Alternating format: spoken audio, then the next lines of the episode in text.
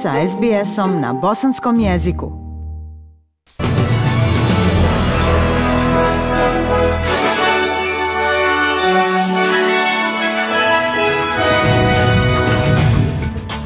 U današnjim vijestima poslušajte. Viktorija bilježi 1890 novih slučajeva covid i pet smrtnih slučajeva. U Novom Južnom Belsu u posljednjem danu karantina 477 infekcija covid i šest smrtnih slučajeva. A u sportu Australka Ajla Tomljanović pobjedila po prvi put nekog od prvih deset na svijetu. Slušate vijesti SBS radija na bosanskom jeziku. Viktorija danas bilježi 1890 slučajeva koronavirusa i pet smrtnih slučajeva. Država je na ivici da bilježi više od 2000 dnevnih infekcija, pa se praćenje kontakata smanjuje kako bi se fokusiralo na pozitivne slučajeve i primarne kontakte. Zdravstveni zvaničnici odlučili su da neće više biti potrebno da sekundarni bliski kontakti idu u izolaciju.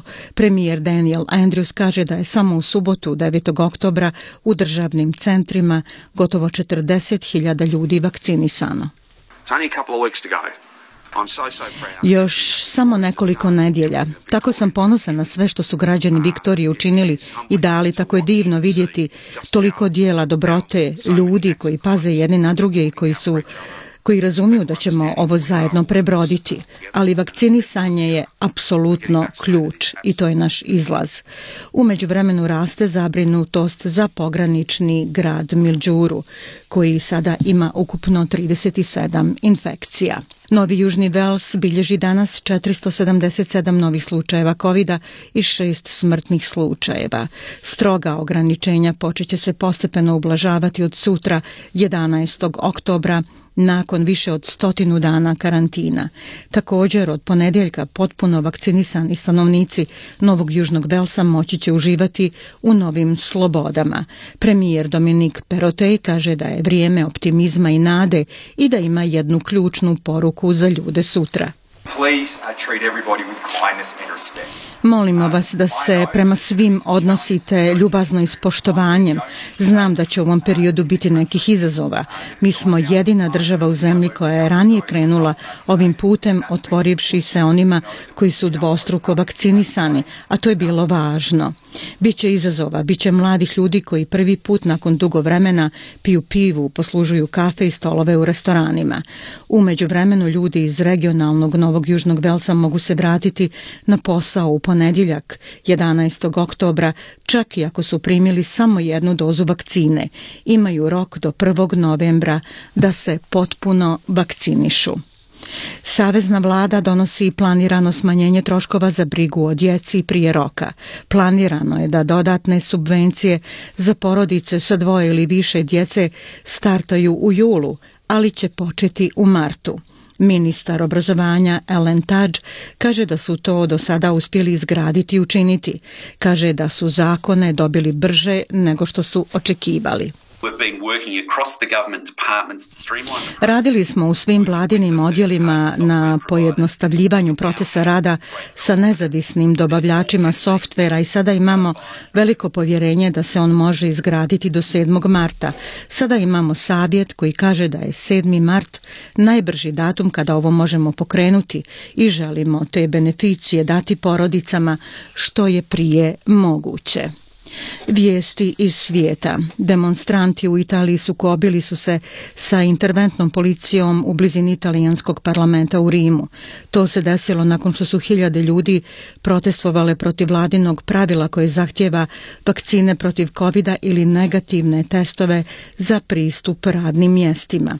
Certifikat u Italiji poznat kao Green Pass stupa na snagu 15. oktobra i primjenjuje se za javna i privatna radna mjesta. Talibani su isključili saradnju sa Sjedinjenim državama radi suzbijanja ekstremističkih grupa u Afganistanu uoči prvih direktnih razgovora između bivših neprijatelja otkako su se savezničke snage povukle iz zemlje u augustu. Visoki talibanski zvaničnici i predstavnici Sjedinjenih država sastaju se ovog vikenda u Dohi. Zvaničnici s obje strane rekli su da pitanje uključuju obuzdavanje ekstremističkih terorističkih grupa i evakuaciju stranih državljana i Afganistanaca iz zemlje. Talibani su najavili fleksibilnost u evakuaciji. Najmanje 20 ljudi je ubijeno u nigerijskoj državi Sokoto nakon što su naoružani napadači napali tržnicu i zapalili automobile, dok naoružane bande nastavljaju da pustoše na sjeverozapadu zemlje.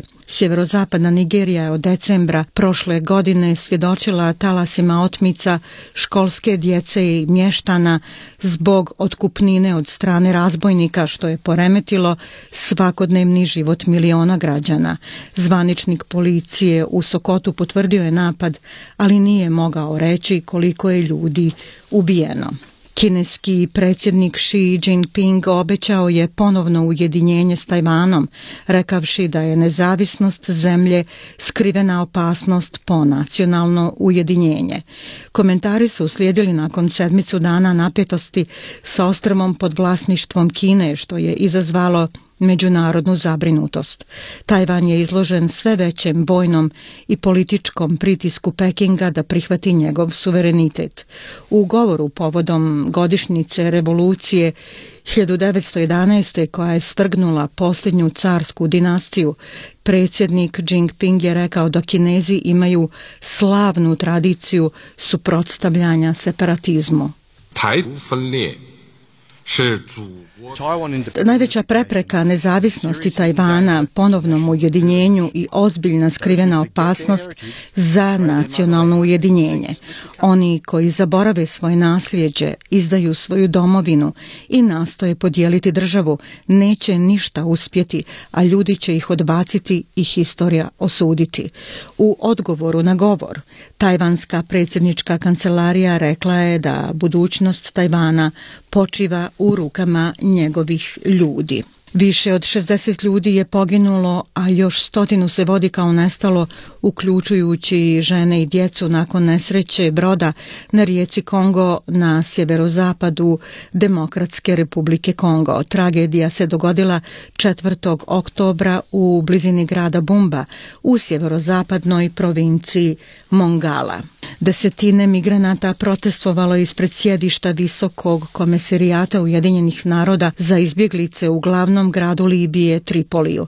Demonstranti su držali transparente sa zahtjevom za deportaciju na sigurno mjesto, navodeći kao razlog loše uslove života u zatvoreničkim centrima i zlostavljanje od strane libijskih vlasti.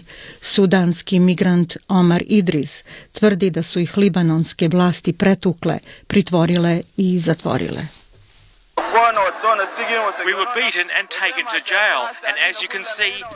Pretučeni smo i odvedeni u zatvor. Kao što vidite, sada smo svi ovdje. Neki od nas su upravo jučer izašli iz zatvora. Ovdje imamo žene i djecu, a također smo bolesni, ozlijeđeni, svi patimo, a razlog što smo ovdje je taj što zahtijevamo hitnu deportaciju na sigurno mjesto. 9. oktobra Međunarodna organizacija za migracije osudila je ubistvo šest osoba u jednom od prestoničkih centara za migrante. Aboriđinske zdravstvene grupe zahtijevaju održivo financiranje kako bi bolje podržale australsko autohtono stanovništvo i smanjile jaz u mentalnom zdravlju. Na svjetski dan mentalnog zdravlja Nacionalna zdravstvena organizacija za kontrolu aboriđinske zajednice ističe stopu samoubistava starosjedilaca. Nacionalni zdravstveni podaci pokazuju da samoubistvo čini 5,7% svih smrtnih slučajeva u populaciji prvih naroda i 1,9% za osobe koje nisu autohtonog porijekla. Ovogodišnja tema Svjetskog dana mentalnog zdravlja je briga o mentalnom zdravlju za sve.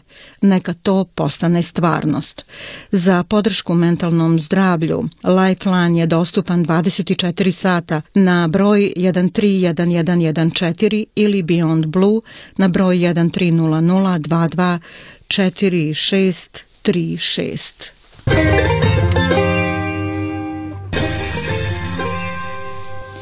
Prema kursnoj listi australski dolar danas vrijedi 0,73 američkog dolara, 0,63 eura, 0,53 britanske funte i 1,23 bosanske konvertibilne marke. I vijesti sporta Ajla Tomljanović zabilježila je svoju prvu pobjedu nad deset najboljih protivnica ove godine i četvrtu u karijeri. Ovoga puta je pobjedila šestoplasiranu na svjetskoj listi Muguruzu rezultatom 6 naprama 3, 1 6, 6 3 i na taj način Australka je zakazala meč s Tamarom Zidanšek, polufinalistkinjom zadnjeg French Opena. Ona je svoju prednost stekla već u prvom setu kada je snažnim servisom osvojila tri break gema.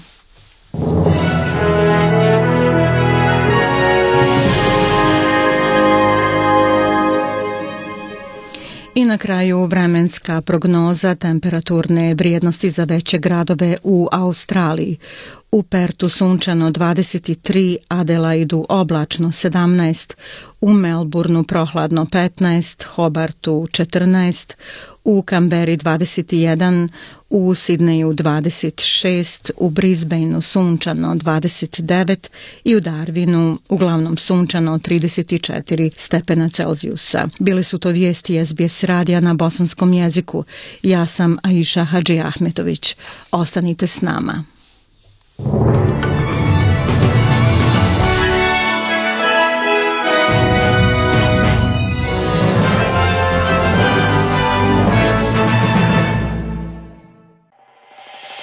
SBS na bosanskom.